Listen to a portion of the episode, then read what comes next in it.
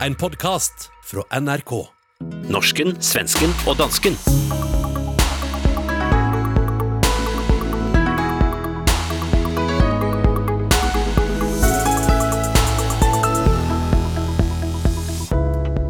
Den dansk-norske forfatteren Kim Leine er i hardt vær etter å snakke højt om sine voldtektsfantasier.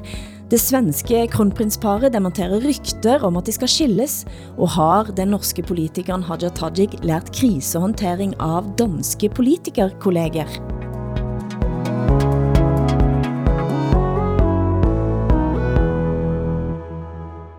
Velkommen til Pan-Skandinavisk familieterapi på sofaen. Svenske Åsa Linderborg i Stockholm, danske Hasse Preisler inne fra København, og med Hilde Sandvik, tilbage i Norge, klare for at processere ukens nationale manier og traumer. Hassan, men du har haft eh, corona du siden sist. Hvordan gik det? Øh, jamen, det, øh, det, det, det var en voldsom omgang. Jeg havde mere end 40 i feber, mere end 40, 40 grader mm. Celsius i min krop, feber. Så jeg var, jeg lå, jeg lå, vi, vi har alle sammen været syge, så jeg lå tre døgn og, og var væk i febervildelser. Um, mm. Altså, jeg så syner. Uh, Så du os? Ja, men i en anden version. Og, øh, og jeg har lært, at den version øh, skal man passe på med at tale om i offentligheden, øh, fordi det kan blive opfattet som øh, forkert. Mm. Så, så det vil jeg ikke fortælle om. Men, men jeg har også fået nogle senfølger af corona. Jeg har, jeg, jeg har sådan noget koncentrationsbesvær, og det, det er meget mærkeligt, fordi det er ret specifikt, når jeg hører norsk og svensk. Ja, det vil jeg tro. Ja. Men er dette noget, som uh, Åsa og mig skal frygte, eller er, er det en helt vanlig udgave av Manflu, Manflu 19? Ja, altså, jeg, jeg må nok sige, jeg var, jeg var den af os alle sammen her i det her hjem, som var mest dramatisk omkring øh, sygdommen, helt klart. Øh, det må jeg nok tage på mig. Øh, så det var nok øh, covid-19 blandet med manflu 19. MF-19 hedder den. Mm. Men är det inte för att du är dramatiker också, eller? Ja, ja, også det. Ja. Och skådespelare Ja. och kanske har att göra med din profession också, inte bara ditt kön? Nej, jeg græd, på et tidspunkt græd jeg over, hvor hårdt jeg havde det. Altså, jeg ikke bare, ikke bare nogle tårer, der løb ned ad min kind. Jeg hulkede sådan her. Åh, oh, det er vackert. Mm. Välkommen tillbaka Hilde, jag undrar, vad har du gjort i Dubai? Ja, jeg, jeg kan ikke sige, jeg var, bakgrunden for rejsen var, at jeg var på en fotoudstilling, for jeg sitter i juryen til Global Peace Photo Awards, som blev vist under en stor fotofestival i Sharjah, som er altså Dubais nærmeste nabo, men, men ikke i Dubai. Da jeg var innom Dubai, som vi snakkede om forrige uke, og så det, den eh, absurde verdensudstillingen. Eh, Men eh, det var det jeg gjorde, rett og slett. Jag fick en uppfattning att du tyckte att det var lite pinligt att prata om att du var i Dubai. Eh, Det är ju inte riktigt korrekt att åka dit, eller? Nej, altså det var... Hur, hur reagerar folk på att du har varit i Dubai? Du måste ju liksom förklara dig, tror jag. Ja, klart det er kompliceret. Det er det jo alltid i møte med holdninger, kultur, ideologi eller styresett, som delvis krasjer med det en selv mener er vigtig og riktig. Jeg tror genuint på at mennesker kan ændre tankesæt på at det kan sås frø, og her i Sharjah så er i små åbninger overalt. Her hørte jeg verdens fremste nålevende krigsfotograf James Snacktway, som eh, holdt eh, den stærkeste talen jeg har hørt for fri presse faktisk, med sheiker på første rad. Eh, Jeg mødte to unge kvinder eh, fra Yemen og Syria, som fik en, en pris for en kortfilm, som får altså utdelt pris av sultanen som står på scenen. De står uten hodeplagg og med bare legger. Jeg har sett eh, eh, det flotteste biblioteket jeg har sett nogen gang. Eh, Norman Foster sitt House of Wisdom, bygd av sultanen, eh, men som har også den muligheten for at hvis det er bøger du vil låne som ikke findes, så blir de printet ut for dig, og denne printeren står der i et rum med et Mandela-citat på væggen. Men- og jeg har men- diskuteret ytringsfrihed. Hilde, Hilde, øh, øh, når vi spørger dig, hvad fanden lavede du i Dubai, så er det jo ikke, fordi vi tænker, kunne du få tiden til at gå? Så Nej, er det jo, for, tiden, så er det jo altså, fordi, hørte vi, du etter hvad jeg sa nu? jamen, vi tænkte jo, Poenget, poenget var jo netop at eh, jeg har kanskje aldrig heller haft vigtigere samtaler om det store spørgsmål, vi snakker om nu, nemlig ytringsfrihed. Og spørgsmålet er jo, og det er det jeg tænkte igennem ganske mye, både på forhånd og når jeg var der, skal man rejse til steder, man er uenig med på mange områder, eller skal man lade det være? Det är en bra fråga. efter- Jag som själv då har varit aktiv i Isolera Sydafrika-kommittén på 80-talet.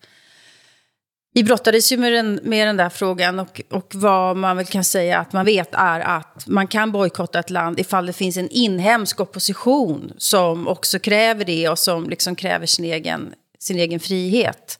Det gör det ju inte i, i de flesta länder tyvärr som är utsatta för förtryck eller diktaturer. Och då, då får man tänka kanske annorlunda att man ska kunna besöka de här länderna just för att knyta kontakter. Bara man är medveten om möjligheten eller risken att bli manipulerad och duperad och eh, korrumperad. Eh, men det är klart att det är viktigt att ha kontakter i till exempel Belarus, eh, som väldigt många författare har. Eh, eller för att, bara för att ta ett sånt exempel. Eh, det är någonting annat skulle jag säga att semestra i Spanien när Franco är diktator där. Det är ändå någonting annat. Ja, og det er jeg, det som er, er, er for, altså, er å få tiden til at gå, det er jo på en måte, altså det kan man si, eh, eh, ligger du på en strand, eller eh, snakker kun med, med de du er med, eller, altså, jeg tænker helt konkret, hvad er alternativet? Ændringer i et samfund må startes indenfra, og de starter i samtaler og i impulser, og de som var på da denne festivalen, de siger også at de ser over tid de små åbningene som sker. Mer og mer tilpasset, for eksempel det at det åbner op for fotojournalistik. Um, ehm, og, og det at tænke, det, altså, hvad, er, hvad er alternativet, Hassan? Mener du at det er bedre at sitte i lejligheden på Nørrebro? Øh, om det er bedre at sidde i lejligheden på Nørrebro, det, det ja, det mener jeg. Øh, men, men det er jo fordi, altså, vi, vi, hvad, hvad er det, vi taler om her? Vi taler om en, øh, altså nogle aktiviteter, som er arrangeret af styret i Dubai, ikke? Ligesom VM Nej, arrangeret. nej, nej, det, det er ikke styre i Dubai, dette er Sharjah, det har ingenting med Dubai at gøre. Men varför var du i Dubai? Det är väl det man kan... Jamen, jamen, vent nu lidt. Altså, nu, nu, øh, nu bliver det en grotesk samtale, det her, ikke? Okay, det, var, det er aktiviteter, som er arrangeret, ikke, måske ikke af regimet, men med godkendelse fra nej, men, regimet, men det, ikke? jeg, må bare, jeg, må- jeg må bare sige, at der er eh, bare sådan, helt sådan geografisk, der er syv emirater eh, i emiratene. Ja. Eh, Dubai er naboemiratet til Sharjah. Sharjah er et andet emirat med andre, eh, med, en, med egne styrere. Hvor de har, hvor de har gode, gode forhold for, for kvinder, hvor de har gode forhold for homoseksuelle, hvor, hvor, man, øh, hvor der er fri debat og, og, og, Poenget og, er at i løbet av, den, i løbet av de sidste årene, så har en åbnet op for andre typer samtaler, og jeg yeah. tror at denne type aktiviteter, det at samle folk, eh, som faktisk både udfordrer eh, og som er til stede, eh, og som ser at der sker ændringer egentlig hele tiden. For nogle få år siden, så er det ganske mye av dette som ikke ville kunne ske. Og det sker men, nu. men, Men är det, inte, är det inte ett dubbelt, alltså är det inte något dubbelt i det här ändå? Eh, jag tror nog att jag också skulle ha åkt faktiskt. Eh, därför att det är intressant att prata med andra människor. Men, men samtidigt som man gör det så legitimerar man ju liksom ändå på något sätt ett sånt där arrangemang som hålls i ett sånt land. Och när shejkerna sitter och applåderar åt ett fantastiskt tal om yttrandefrihet så blir det ju hyckleri i alltihopa. Kanske, eller Eh, kanske ikke. Men samtidigt så förstår jag att, att du har träffat folk där eh, som behöver träffas också. Men, men, men det är ju inte helt okomplicerat. Det är Men det. det Men hvis jeg må lov, altså, jeg fik sti, du stillede mig et spørgsmål, nu jeg er blevet afbrudt tre gange. Jeg har ikke haft en chance for at svare på det spørgsmål. Jeg synes ikke, det nødvendigvis er bedst at blive hjemme. Jeg synes, det er virkelig interessant, når folk øh, tager til de stater, hvor der øh, er foregår øh, decideret undertrykkelse og, og øh, knægtelse af, af de øh, fundamentale rettigheder, vi alle sammen bør have, og mødes med folk fra undergrunden. Mm. Men som Åsa siger, at sidde der med sjejkerne på første række, som klapper en tale om ytringsfrihed, ikke? det er for mig helt gakket. Altså, det, det vil jeg aldrig gøre.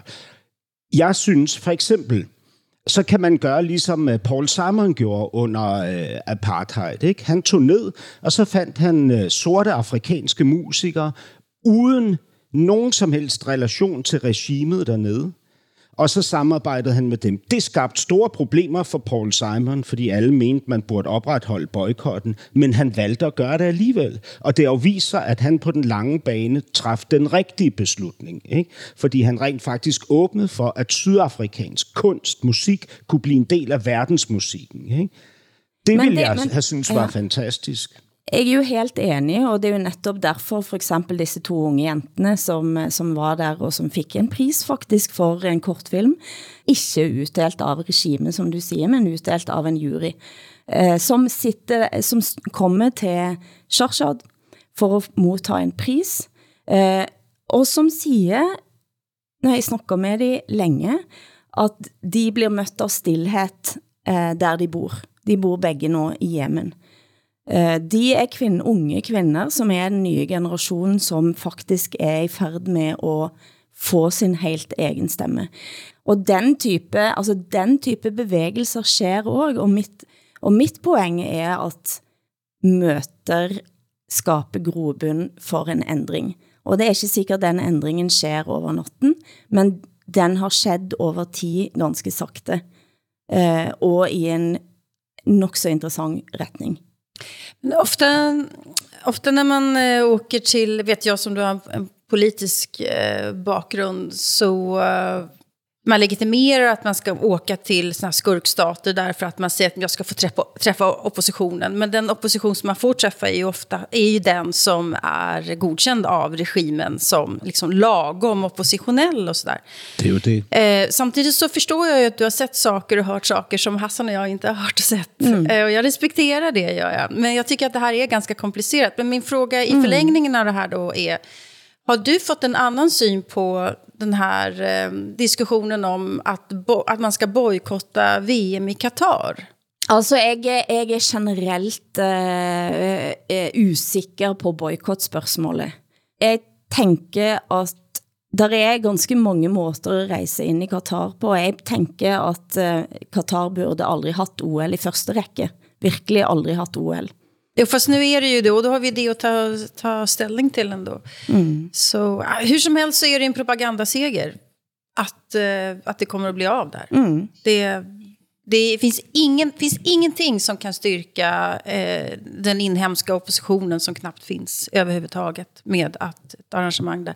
Sen kan journalister åka och träffa hur många oppositionella som helst över en öl som ju många journalister gör. Alltså nu är det en karikatyr av hur journalister arbetar ibland, men... Det kan man men, äh, ja. Altså lige præcis i Katar bliver det nok ikke over en øl, men måske en kop kaffe. det har du rätt i. Te. Mm. Ja. ja, men det, det är skönt att du är tillbaka, Hilde. Välkommen hem. Jo, tack. Men altså, som sagt igen, jeg tænker, um, jeg er glad i rejste. Jeg havde en stor tvil, men jeg er veldig glad i rejste. Altså for, for, for at trække det her øh, hen i nærheden af det, vi øh, taler om ofte i forhold til national øh, whistleblowing og skam og så videre, så, så synes jeg i hvert fald, at det er at det er ekstremt hyggeleri, når den danske regering og kongehuset med, med vores øh, demonstrative udenrigsminister Jeppe Kofod stiller sig frem og siger, at Danmark, det officielle Danmark, boykotter OL i Kina. Mm. Ikke? Og mm. det, det er et opgør med årtiers kurs på området. Ikke? Samtidig så har den danske regering jo ikke tænkt sig at indføre nogen som helst form for sanktion i forhold til VM i Katar. Ikke? Mm. Og jeg undrer mig, om det i virkeligheden ikke handler om, at udenrigsminister Jeppe Kofod og den danske regering godt vidste, at der ikke ville være en eneste dansk medaljeoverrækkelse øh, i, øh, under vinter-OL i Kina, men at der rent faktisk er en mulighed for, at Danmark kunne komme ret langt i VM i Katar. Ja. Altså, og det hyggeleri, ikke? Det kan jeg ikke holde Det var populisme. Altså, der, ja, det, det er mega populisme. Ikke? Godhedspopulisme. Du hører norsken, svensken og dansken i SR, DR og NRK.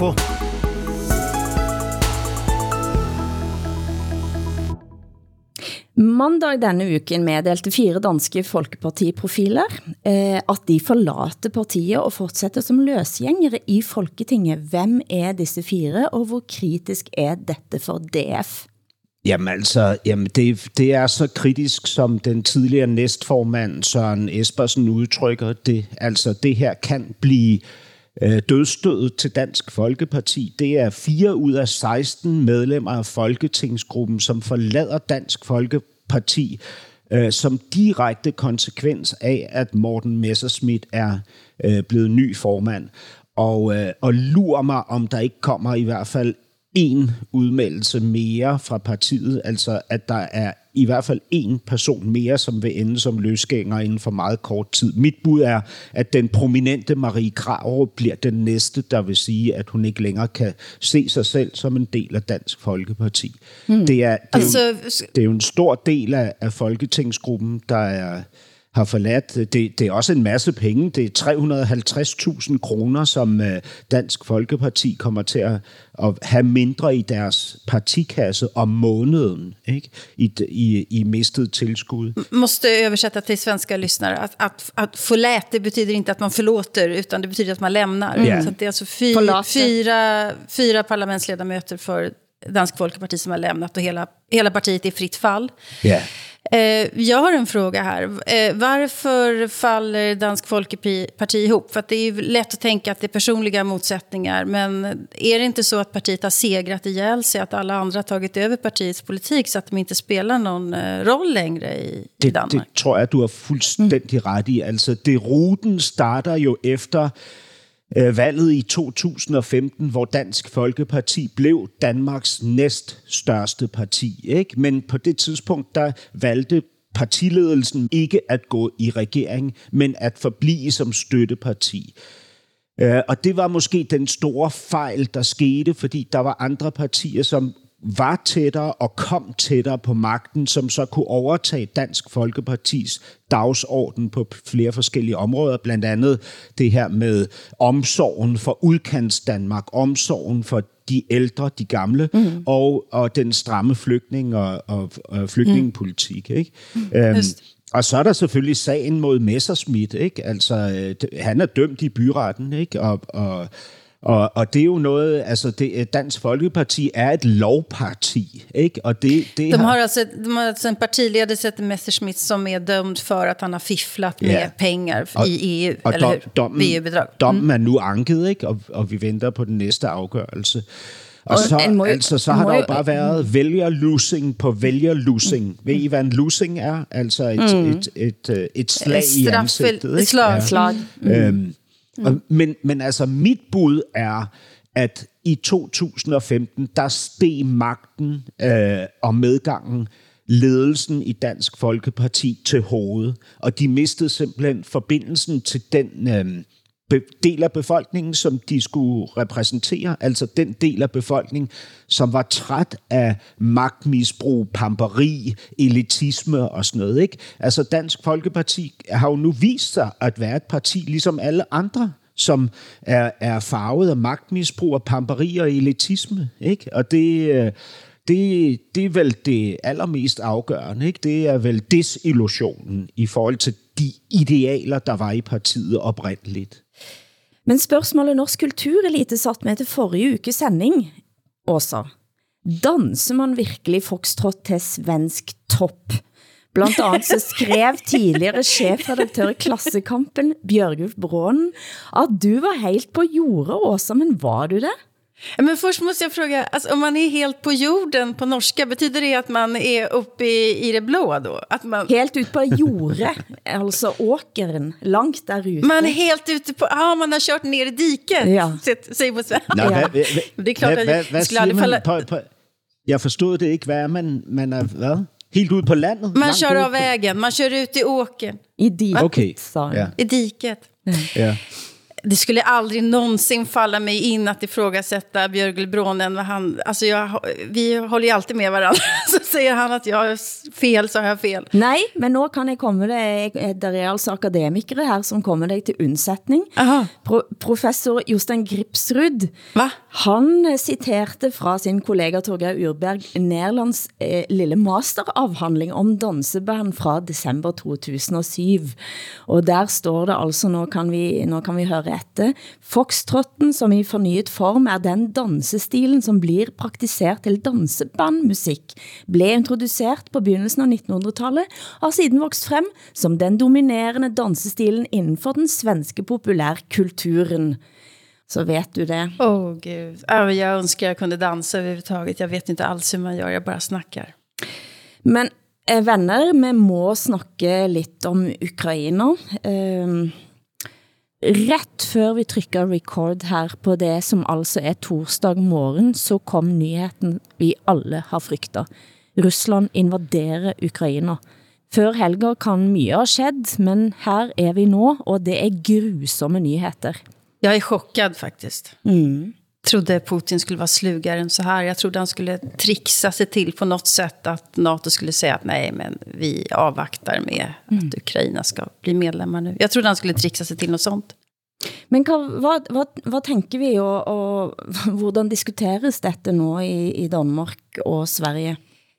Alla, alltså hur det diskuteras, alla är ju överens, alltså överens om att det är en invasion och att det är eh, fjävligt och så vidare. Men eh, min känsla är ju att det är som eh, åren strax innan första världskriget ungefär. Att det är en väldig militarisering av hela, hela kontinenten och eh, man går omkring och oroar sig, tänker att det ska komma ett storskaligt krig. Det gjorde man ju inför 1914 också, inför första världskriget.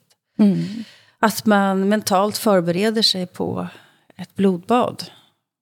Eh, så har jag ju inte känt i hela mitt liv tidigare. Jag är ju uppvuxen under kalla kriget och där var det ju liksom terrorbalansen då. Men jeg må, jeg må indrømme at jeg kender gufse fra barndommens angst under netop den kalde krigen. Uh, jeg husker, jeg var veldig redd. Altså, jeg, var, havde, altså, jeg havde en atomangst.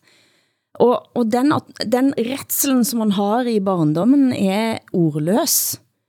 Og jeg har kendt de sidste ukene nå, at jeg er ute af stand til at tænke rationelt eh, rundt det som sker i Rusland og Ukraina, av mange grunder selvfølgelig, men, men, eh, men at det bærer i sig noget, noget af den samme, samme angsten da. Eh, ja, alltså Putin tänker ju inte rationellt. Jag tror inte han förstår vilka enorma konsekvenser här får. Och de som tänker att lösningen är att alla ska gå med i NATO tänker inte heller rationellt. Tänker jag. Men eh, ja, det, är, det är lite kalla kriget. Och först så tänkte jag att det här är lite som Kubakrisen 62. Mm. Alltså då var det ju USA som kände sig hotat av att Sovjet skulle placera ut kärnvapen nära USA. Eh, och eh, Kennedy var ju faktiskt bara några timmar då från att börja, Mm. börja bomba Kuba och eh, Eh, hade invasionstrupper i Florida. Alltså det är omvänt förhållande kan man säga jämfört. Men jag förstår att USA kände sig hotade. Jag förstår att Ryssland idag inte vill ha liksom, kärnvapen och NATO nära inpå. Men eh, det har ju gått långt nu. Alltså det är, eh, jag trodde som sagt på en kompromiss, men det blev inte av. Altså, jeg, jeg voksede op i Vestberlin under den kolde krig. Vi havde vores designerede atombunker, vi skulle tage hen til, hvis øh, krigen brød ud, hvilket var absurd, ikke? fordi man mm. kunne maksimalt overleve to uger i den der atombunker, ikke? og der, det ville slet ikke være nok. Øh, Jeg husker onsdagssirener og den der intense frygt, der altid var i barndommen, som handlede om, at lige om lidt, så kan verden gå under. Ikke? Mm. Mit, mit store dilemma handler ikke om, øh, øh, øh, øh, det, og det må jeg bare sige så direkte, ikke? det handler ikke om Ukraine. Det handler om min 11-årige datter, som, som observerer, at der er en krig på vej, og hun kan godt fornemme, at det er alvorligt, altså rigtig alvorligt, ikke? når hun for eksempel hører Mette Frederiksen stå på, på nyhederne og sige, at det er, at det er en katastrofe, og det, det er virkelig, virkelig farligt det her, ikke? så bliver, bliver hun bange. Ikke? Mm. Og jeg ved ikke, hvordan jeg skal kommunikere det her på en ærlig, men skånsom måde. Jeg ved det simpelthen ikke. Altså. Det, jag funderar också på eh, hur vi reagerar mentalt. Det har varit under flera år nu så, så många saker som vi har känt oss hotade av och varit hotade av också. Eh, jag tänker eh, klimatfrågan eh, som är väldigt viktig för barn. De är liksom rädda för att jorden ska gå under. Sen kom pandemin och eh, man, man, fick inte träffa mormor och, bäst, mormor och morfar, bäste far. Folk dog, man fick inte säga hej då. Också katastrof för barn. Eh, och sen så kommer det här kriget. Det kommer att komma en ekonomisk krasch. Som kommer att, eh, eller i alla fall djup, djup nedgång. Som kommer att få enorma konsekvenser för vanligt folk. Mm. Eh, så det, det är en otroligt obehaglig värld att växa upp i nu. Och så allt vapenskrammel på det. Det är otäckt tycker jag. Ja, ja. Eh, og Steve, nå snakker om, eh, om denne fotofestivalen og James Nachtway sin tale. James Nachtway, hvis en eh, kender til hans arbeid, så vet en at han har fotograferet kriger i hele verden i mange tiår. Eh, og han var i Afghanistan, han eh, reiste ret til Afghanistan og etter, etter at have været i, i Sharshad, været i Syria, været på Balkan, været i Rwanda. Uh, han er ikke krigsfotograf, han er antikrigsfotograf. Og det at gå sammen med han uh, og høre han fortælle om disse bildene, uh, det, er, oh, det, er så, det er så smertefuldt. Uh, det findes ingenting i krigen som, som, som har noget åbent uh, i sig. Og en blir faktisk antik kriger av at se på bildene hans. Um, og jeg har, da en, jeg har en soldatsøn, som, som jeg jo har uh, sagt, uh, og han er på grænsen til Rusland. Han er, har været hjemme nu og kom uh, hjem med en bok, som han havde fått fra en veninde, soldatboken fra 1917, altså midt under Første verdenskrig som en, en ven havde, havde købt som gave, og jeg blev sittende og bla lidt og læse lidt i den. Og første kapitel begynder som følger. Det eksisterer ingen fri nation med eget land og egne love, uten at den har måttet eh, eh skabe et værn for sig og sitt. Sant? Det begynder der. Og så er det en ganske eh, høvelig, eller hvad en skal sige, en, en rolig stil, som egentlig handler om vigtigheden av, av krig. Og, og, og det er jo uhyggelig læsning, og vi skal senere i sendingen snakke om den interne konflikten i det moderne mandsrollen. Og når en læser dette, så kender jeg på en indre konflikt som moderne menneske. For det er fjernt for mig, at nogen jeg kender skulle gå ut og risikere livet i en krig. Nej, men alltså, det är vansinnigt. Alltså, det, är, det är så otäckt så att det är... Men när du säger att du har en soldatson, alltså han är militär, din son. Alltså det är inte så att han bara gör en värnplikt. Jo, han, är, han, är, han gör en, men han är där nu. Han är värnplikt. Han är där nu. Mm. Mm. Och jag, ska, jag, jag spurte om han inte bara kan bli igen och desertere. Ja, mm. just det. Det, mm. det vad jag också önskar att han ska göra. Men Åsa... Samtidigt, så, samtidigt så måste ju alla länder ha ett försvar också. Det är så kluvet och dubbelt eh, alltihopa det här så att det... Mm. Man vet inte varken ut eller in. Altså det man jo sidder tilbage med, med den største frustration over, det er jo, at vi har overladt ledelsen af denne her verden til mennesker, mænd, som som minimum har galopperende narcissistiske personlighedsforstyrrelser. Ikke? Altså det er jo vanvittige mennesker, vi har givet øh, nøglen til, til statsfinanserne og nøglen til, til våben, der kan destruere os alle sammen. Ikke? Mm. Det synes jeg er, er det mest frustrerende at sidde og kigge på. Ikke? Det er, at det igen og igen og igen er de her typer, som skal styre, hvor vi alle sammen skal hen. Ikke? Men det här handlar väl inte bara om, om personlighetskaraktärer utan det är en kamp om resurserna. Jo. Om marknader och råvaror och geopolitik. Eh, det kan man ju sköta på olika sätt men eh, det kan ju, Altså, der er- li, liv, livet, kan ju inte, ba, kan inte bara reduceras till att, att folk är narcissister, tänker jag. Utan det är ju jo, men hur ekonomin fungerar. Altså, liv, livet, er en, livet er en forhandling, ikke? både individuelt og kollektivt. Sådan vil det være, sådan har det altid været. Måden, man forhandler på, afgøres vel af ens tendenser. Ikke? Og hvis man har tendenser til at demonstrere sin magt ved hjælp af vold øh, hver gang, ikke? Så, så vil jeg sige, at man, at man har en øh, decideret personlighedsforstyrrelse. Mm. Altså, som minimum. Ikke? Og jeg Men- taler men- ikke kun om Putin. Fast- Jeg synes, det er, det er lang, et langt bredere fænomen. Nej, det förstår jag också. Menar, NATO, NATO är en krigsorganisation och eh, vi har hela, hela också. Och vi har hela resultatet av Afghanistan alldeles nyss. Men Så det är svårt att förklara det här för barn, kan man ju säga. Ja. Det är ju verkligen det. Då, då är det väldigt lätt att säga att, att eh, den gubben och den gubben är, är sjuka i huvudet. Ja, det, det er jo ikke tryghedsskabende for et barn at få at vide, at Det är inte Nej. det, nej. nej och, och det är väldigt svårt att förklara geopolitik och kampen om resurser också för ett barn kanske. Eller också är det det de förstår.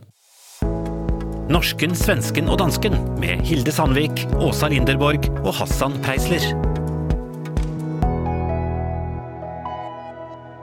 Hvor mange mænd har ikke drømt om at komme i krig Ja, og ind i ukendt territorie ja. og vælte et eller andet hus med kvinder og så voldtage hele banden. Så Har du drømt om det? ja, det har jeg tit drømt om. Men jeg vil aldrig gøre det. Nej. Men fantasien Ja. er der. Skammer du dig over den fantasi? Ja, det er selvfølgelig. Det skammer jeg mig dybt over. Ja. Det gør jeg. Burde du ikke skamme og dig jeg over den? undrer mig over den. Burde du altså- ikke skamme dig over? Jo, fordi det burde jo ikke være sådan. Nej. Sex er. Men det er det.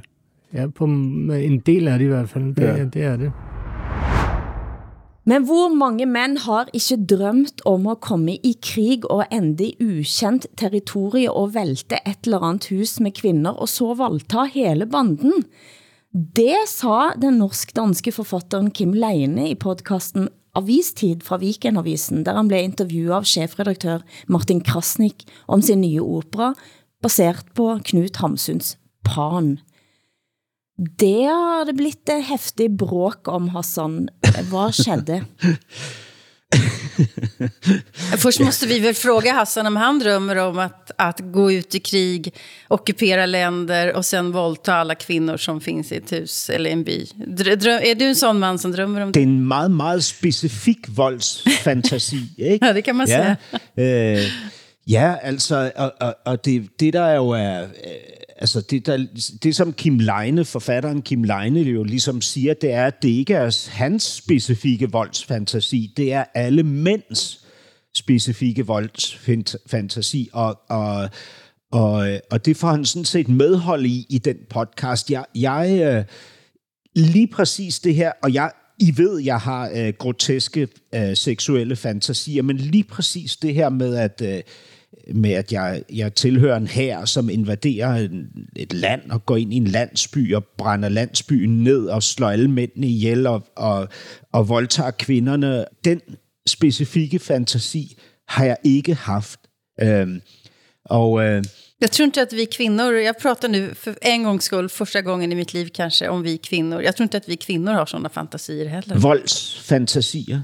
Nej, att, att, någon ska, att vi, någon ska komma hit och bränna ner eh, våra byar, döda våra män och sen våldta oss. Men, men jeg kan jo godt blive, vad hvad hedder det, ophidset af dominans, øh, masochisme og også sadisme, ikke? Altså både, både i porno og i virkeligheden kan, kan det godt øh, øh, altså, aktivere min seksualitet på helt nye måder. Altså, Gud, ja, det, men det, är- det är ändå någonting annat. Men, men eh, samtidigt så, mm, jag läste en artikel i Dagbladet Information där de skriver att det är ändå viktigt att män vågar berätta om sina sexuella fantasier, eller att alla gör det, även kvinnor, att man berättar Alltså det är ändå saker som inte har omsatts i praktiken utan att det är någon, någonting man fantiserar om och att man kan prata om det. Och det håller jag ju med om. Det blir också lite konstigt om man ska skambelägga en fantasi. Men du kan sige om den her kvindelige debattør for information, at hun også er blevet skambelagt, øh, efter hun skrev øh, dette forsvar for mænd, Ja. mænds ret til at, øh, at tale om deres fantasier. Ikke? Fordi det har jo øh, i den grad splittet øh, medie Danmark i to lejre. Ikke? Der er dem, der mener, at det her er en åben, hjertig, modig samtale mellem to mænd, som handler om fantasier og skam. Ikke? Og så er der dem, der mener, at det her er som minimum udtryk for, øh, hvordan alle mænd indeholder, eller mange mænd indeholder, øh, blinde vinkler i forhold til deres relation til kvinder. Ikke? Altså, at deres relation er præget af en... Øh, en erkendt eller uerkendt øh, trang til dominans, ikke? Øh, og, og endda øh, vold og, og så videre. Ikke? Og alt det her kommer jo på et bagtæppe af en, øh, en, en virkelig uhyggelig sag, som har været i Danmark. I Aalborg blev en 22-årig øh, ung kvinde øh, kidnappet og myrdet øh, angiveligt af, af to mænd i 30'erne, altså i deres 30 år. Øh, de står i hvert fald anklaget i den her sag nu, ikke? Og denne her sag har endnu en gang bragt sindene i kog i forhold til øh, kvinders øh, sikkerhed øh, i, i det her land. Ikke? Og på det bagtæppe udkommer podcasten øh, mellem øh, Martin Krasnik og, øh, og Kim Leine i, i samtalen mellem de, de to. Ikke? Man, man kan sige, at det er dårlig timing, ja. Altså, og man kan også sige, at det kunne have passeret, uden at nogen havde bemærket det. Det er svært at, at, at sige. Men det, dette udgangspunktet er jo og eh, Pan, altså Knut Hamsuns roman, eh, som handler om eh, rivningen inne i mannen mellem natur og kultur. Da.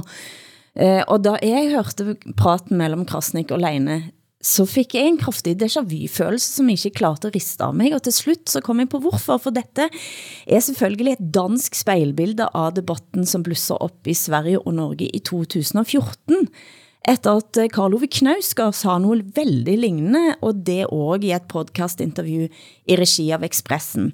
Han sa, alle mænd, som træffer en kvinde, undrer hur det er at ligge med henne. Og bakgrunden var det et længere interview med kritikeren James Wood i New Yorker, som fik debatten til at gå i av i Norge, og han snakker der om nymoralismen i Skandinavia. Uh, han siger, at i Sverige hade jag inte kunnat säga det. Då hade publiken bua. Då hade jag uppfattat som kvinneförnedrande, sexualiserande, som objektificerande av kvinnor. Men kom igen liksom. Og han sammenfatter resonemanget med, når gapet blir for stort mellem hvad, mænd, hvad man bør gøre, hvad som er moralsk korrekt, og hur det egentlig er, har vi et problem. Jag håller, håller helt med, men jag, vi vet ju också att den mänskliga hjärnan alldeles omedvetet sorterar folk. Man ser, man ser en, en, en person och säger sex, inte sex, sex, inte sex, tänker hjärnan.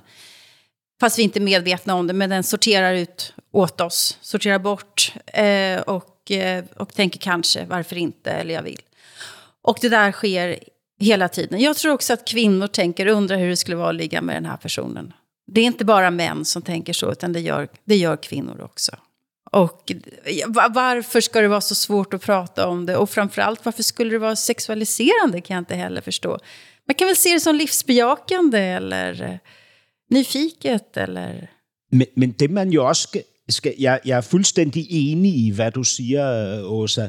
Øh, og, og man skal også huske på, at hjernen, selv ikke mænds hjerne, er jo ikke sådan et organiseret fænomen, hvor man ligesom ser en kvinde, så tænker man, Hvordan ser hun ud uden tøj på? Hende vil jeg gå i seng med. Og så mens man tager det næste skridt, så tænker man, og i øvrigt så vil jeg voldtage hende og, øh, og, og slå hende. Ikke? Det er jo ikke sådan, det er. Altså hjernen er jo sådan en elastisk, organisk størrelse, som ligesom kaster tanker ind, og, og så fjerner man dem igen, fordi de er upassende, og så, så sidder man derover for sin chef og tænker, hvordan ser han mund ud, når han skider på toilettet, ikke? Eller, eller ham der øh, debattøren, jeg virkelig ikke kan lide, hvordan vil han se ud med en stor klovnenæse på sin klovn, eller hans tissemand, hans pik er garanteret meget, meget lille, ikke? Altså sådan nogle, hjernen er jo, altså den kaster jo ting altså også ubehageligheder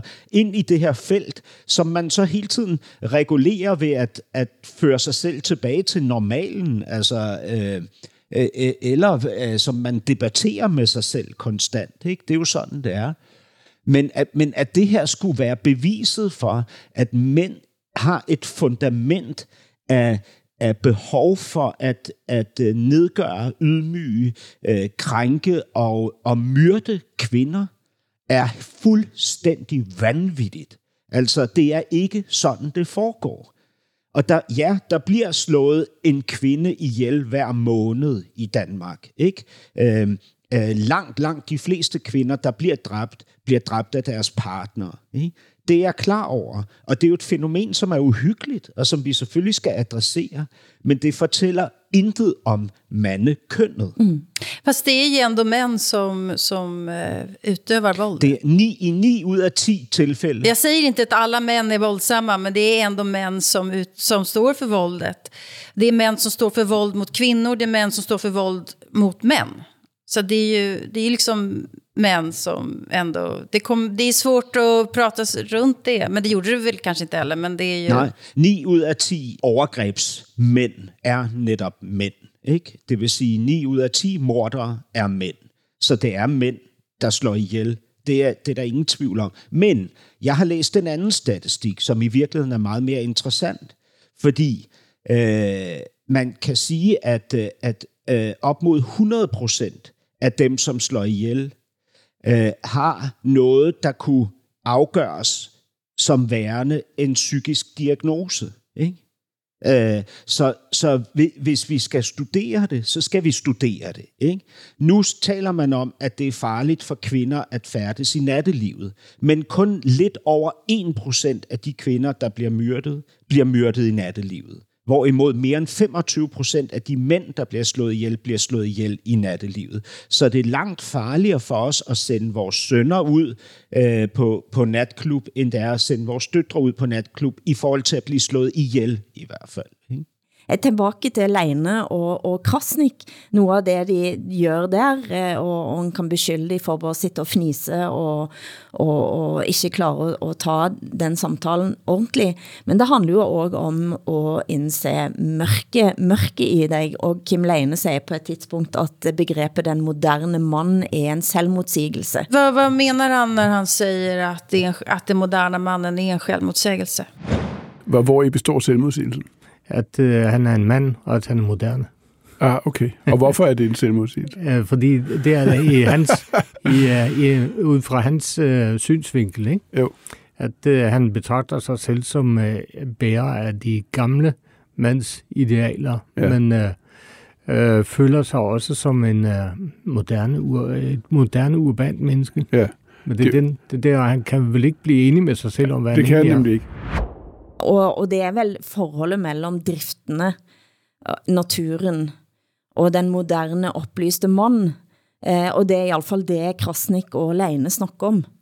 Eh, at man på den ene siden er mot, eh, eller en, en er for MeToo-bevægelsen, en er for eh, at eh, man får den type debatter ut i samfundet, en er for at eh, en tar menn som, eh, som Weinstein og så videre. Og samtidig så kender man på den indre, det indre mørke. Har jeg forstået det ret, Hassan? Ja, det kan du sige. Øh, øh, jeg tror ikke, han vil sige det indre mørke. Jeg tror, han vil sige sin egen konservatisme. Øh, ikke? Øh, men, men, men Kim Leine siger jo også, at alle mænd hemmeligt beund, i det hemmelige beundrer øh, personer som Harvey Weinstein. Og det, der er jo de her magthierarkier, ikke? og vi kan jo godt som mænd se, hvad magt øh, kan give af privilegier for andre mænd. Ikke? Og den, de privilegier kan vi være misundelige over, men jeg, er jo ikke, jeg er jo ikke, kunne jo ikke på nogen måde være misundelig. Jeg ville jo ikke gerne være Harvey Weinstein i hans storhedsdage, fordi jeg synes, han var en... Altså, han er ikke en mand, jeg har lyst til at være, absolut. Altså, helt klart. Men splittelsen, altså mellem, mellem at skulle stå til rådighed for en verden, der forandrer sig ekstremt hurtigt hele tiden, ikke? og samtidig føle en vis, hvad kan man sige, nobelhed i at stå fast, er jo, øh, altså det kender jeg jo også mega godt. Alltså jag syns det, det... Jag vet inte om det här har så mycket med mer modernitet att göra egentligen. Jag tror ju inte att eh, män historiskt sett, de flesta män historiskt sett tycker att det är rätt att våldta kvinnor. Jag tror, eh, jag tror att, de, att man även historiskt sett har tyckt att man ska bete sig schysst mot varandra oavsett kön och sådär. Eh, I och för sig. Och sen så har vi, sen har vi snävat in vad som är, vad som är våldtäkt och så vidare. Men det jag tror är det komplexa med att vara en modern man är det som vi har pratat om i det här programmet väldigt mycket. Nämligen hur förhåller, man sig till, hur förhåller vi oss kvinnor till moderna män? Därför att vi vill ha män som är mjuka, eh, som hjälper till, som, som inte är macho. I, teor, I teorin vill vi ha det i praktiken så, så kanske det är andra män som vi faktiskt attraheras av. Eh, och det är inte så himla lätt tror jag som en modern man att försöka motsvara både det här, man ska vara både en man men man ska också vara eh, icke-manlig. jag ska säga. Det tror jag är den stora utfordringen eller utmaningen.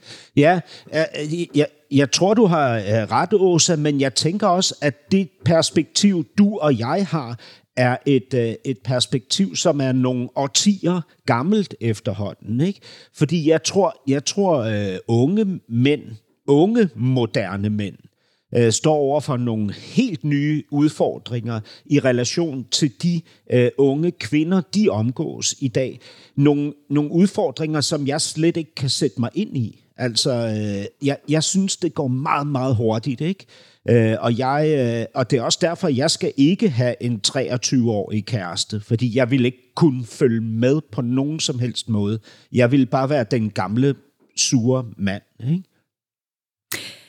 I ukevis har det været heftige rykter i svenske redaktioner. Kronprinsessen var på randen av en skilsmisse. Længst gik stopper pressen, som har skrevet det næsten ret ut, men nu har kronprinsparet selv rykket ut på sociale medier. Vad skedde også? Jag ska säga att eh, altså, som har spridit det här ryktet har ju inte utgivningsbevis. De eh, tillhör inte det pressetiska systemet. Eh, och det är en slaskig sajt, så att det inte norska och danska lyssnare här nu tror att det är en seriös eh, publikation, för det, för det är det inte.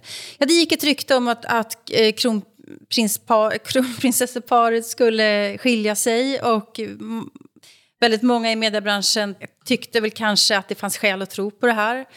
Eh, och eh, så visade det sig då att Eh, en, ja, hovet går ut och dementerar det här. Och det är väldigt, väldigt ovanligt att man dementerar ett skilsmässorykte. Och då, då, vad som då händer, det är ju att de blåser upp det här ryktet istället då. För att 99,999 procent av alla svenskar hade ingen aning om det här ryktet att de eh, kanske skulle skilja sig det är bara det är mediebranschen som har pratat om det här, men inga andra. Så, så, så det kan man säga, mediestrategiskt var det ju helt vansinnigt faktiskt. Jeg kan sige, at i 2013 var det tilsvarende nyheter, nej, tilsvarende rykter om norske kronprinsparet på Twitter, som aldrig blev kommentert hverken av kongehus og knapt omtalt i traditionelle medier. Kun forsigtigt omtalt på metavis, eh, men eh, har, var det en vellykket strategi också? Nej, det var en helt, det var en helt vansinnig strategi. För nu, nu vet ju alla i hela Sverige om eh, att det har varit det här ryktet. Och då tänker ju folk så ja, ingen rök utan eld och, och så vidare. Och eh, nej, jag, jag förstår inte hur hovet eh, tänkte faktiskt. Men jag kan också tycka att det är intressant som har sett det här inifrån som journalist hur eh, vi faktiskt eh, börjar förbereda oss på att det ska bli en skilsmässa journalistiskt och eh, vi drar i våra källor och kanske har vi blivit helt trollade, kanske, kanske har hovet eller familjen löser på något sätt. vet inte. Men just att de går ut och dementerar, det gör ju att det spär på ryktena bara. Så det var mycket märkligt gjort, tycker jag. Og Arbeiderpartiets kronprinsesse i Norge, Hadia Tajik, jeg blev viklet ind i pendlerboligskandalene. Og hun prøvde, som Victoria og Daniel, at styre informationen gennem at ty til sociale medier. I månedsvis havde Aftenposten gravd i saker rundt stortingspolitikere og deres bruk og misbruk av pendlerboliger. Og det førte blandt andet til at KRF-leder Kjell Ingolf Ropstad måtte gå av, og nu var AP's nestleder og arbejdsminister Hadia Tajik under lupen for to forhold. Men før et eneste ord var på tryk i nogen av medierne, så gik Tajik til frontalangrep på Aftenposten på Facebook. Og en stund så så det ut til at hun kunne vinde en liten sejr, men det snudde ganske fort.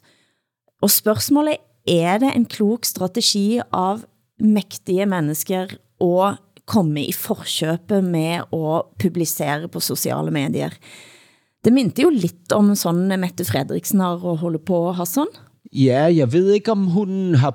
Jeg kan ikke komme på eksempler, hvor hun har brugt det for at komme i forkøbet, men jo, det har vi jo set i Danmark absolut, altså øh, blandt andet i forhold til de her MeToo-sager, ikke? så har vi jo... Øh, en, en tidligere venstreminister, Carsten Lauritsen, som faktisk kunne regulere offentligheden ved at gå ud og erkende sine øh, sønder, før de før nogen andre øh, af, fik afdækket dem. Ikke? Og det blev betragtet som en meget ansvarlig og moden øh, handling. Ikke? Så det, ja, det tror jeg da godt kan være, øh, kan være stra- strategisk øh, godt at, at gøre det. Ikke? At jeg har nogle overboer, som er, de begyndte at banke igen. Vi er lige, jeg troede, de var færdige nu, men det, det er de altså ikke. Jeg beklager.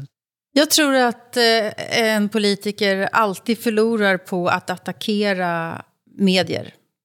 Eh, oavsett hur man gör det. Och det kan jag ibland tycka är synd därför att eh, Eh, jag tycker att det finns skäl ibland för politiker att säga håll käften nu eller nu är ni helt fel ute eller lägg av. Politiker är för fega i förhållande till journalister tycker jag ofta. Men att göra sådär att man attackerar medier på det viset som... Nej, jag, nej jag, jag tror inte det är så smart. Jag tänker nu på Håkan eh, Juholt, den socialdemokratiska partiledaren, som en fredagkväll efter en bättre middag la sig i badkaret och sen gick upp och skrev en, en lång grej på Facebook där han försvarade sin, något bostadskontrakt. Eh, det skulle han inte ha gjort, kan jag säga. Det skulle han inte ha gjort. Hvor är han nu i politiken också? Och det går väldigt bra för Håkan Juholt. Han var en otroligt uppskattad ambassadör på Island och nu är han i Sydafrika för att bland annat sälja in JAS-plan där nere tror jag. Det går bra för honom, han har revanscherat sig ska jag säga. Han gör det väldigt bra. Så, och det är skönt, det, det gläder mig. Men eh, ja, man ska nog hålla sig borta från sociala medier överhuvudtaget tror jag som politiker så mycket det bara går. Hadia Tajik eh, eh sitt navn blir nå i alle fall eh, genkendt eh, overalt, og det blev, ble hun antageligvis også før, eh, før denne saken. Men jeg hørte en reportage på SVT om ministeren Max Elger, som var lei av at ingen husker navn hans, og at mange journalister blandt Hvem er det? ja, sant? Hvem er han? Han er minister også. I något särskilt område eller? Altså, vet du hvilken ministerpost har han? Har du pejling? Nej, men han är kanske finansmarknadsminister, men det här vet jag ju bara för att han har sagt att han är så ledsen för att ingen vet vem han är. Ja. Så att jag har ju också följt det här. Men, eh, ja. Blandt annat i Aftonbladet TV, då, som, eh, som kallar han för Mats Elger till sist då Mats Elger, vad händer nu framöver? Alltså, vad... De senaste månaderna har Max Elger fört en kamp för att i alla fall medierna ska lära sig hans namn. Han lägger själv ut små rättelser. Varför är det viktigt för en minister att vara väl igenkänd? människor inte känner till sina ministrar har de också svårt att peka ut vem det är som har fattat beslut som de gillar eller ogillar. Eh, sen tycker jag själv att det är också första steget är att få genomslag för sina idéer. Alltså, det var bra han svarar. Vilken bra intervju. Vilken, vilken smash hit för uh, Mats Elger. Nej, Max. Max. Max. Vi skal pugge, men altså, jeg må, jeg må indrømme, at det slog mig, at det er op til flere ministre i den nye regeringen, som kom i Norge i fjor, som jeg ikke har kontroll på. Det, sådan plejer jeg ikke at have det. Altså, jeg lurer på om det er senskader av covid-lockdown. Jeg tog mig på tak og gik gennem listen og indrømmer at eh, hvis nogen havde spurgt mig for eksempel om navnet på samfærdsministeren, så ville jeg ikke have ant hvem han er.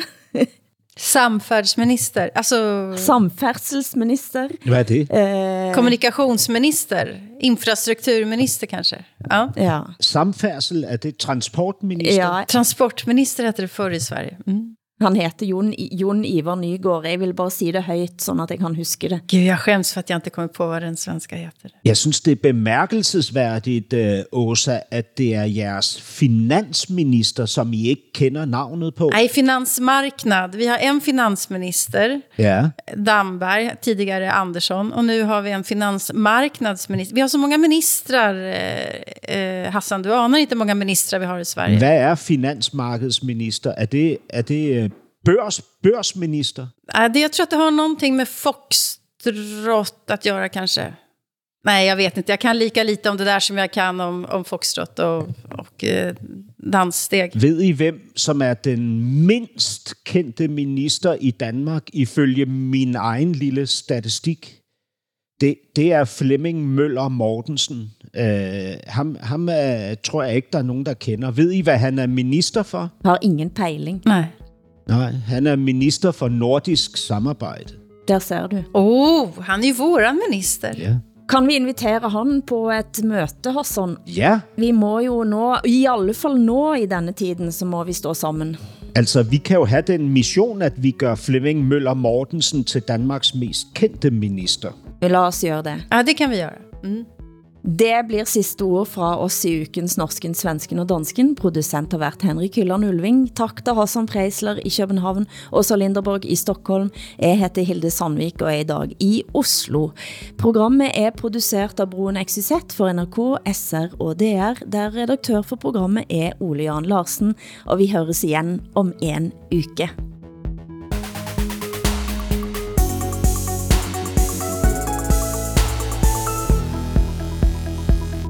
Du har hørt en podcast fra NRK. Hør flere podkaster og din favorittkanal i appen NRK Radio.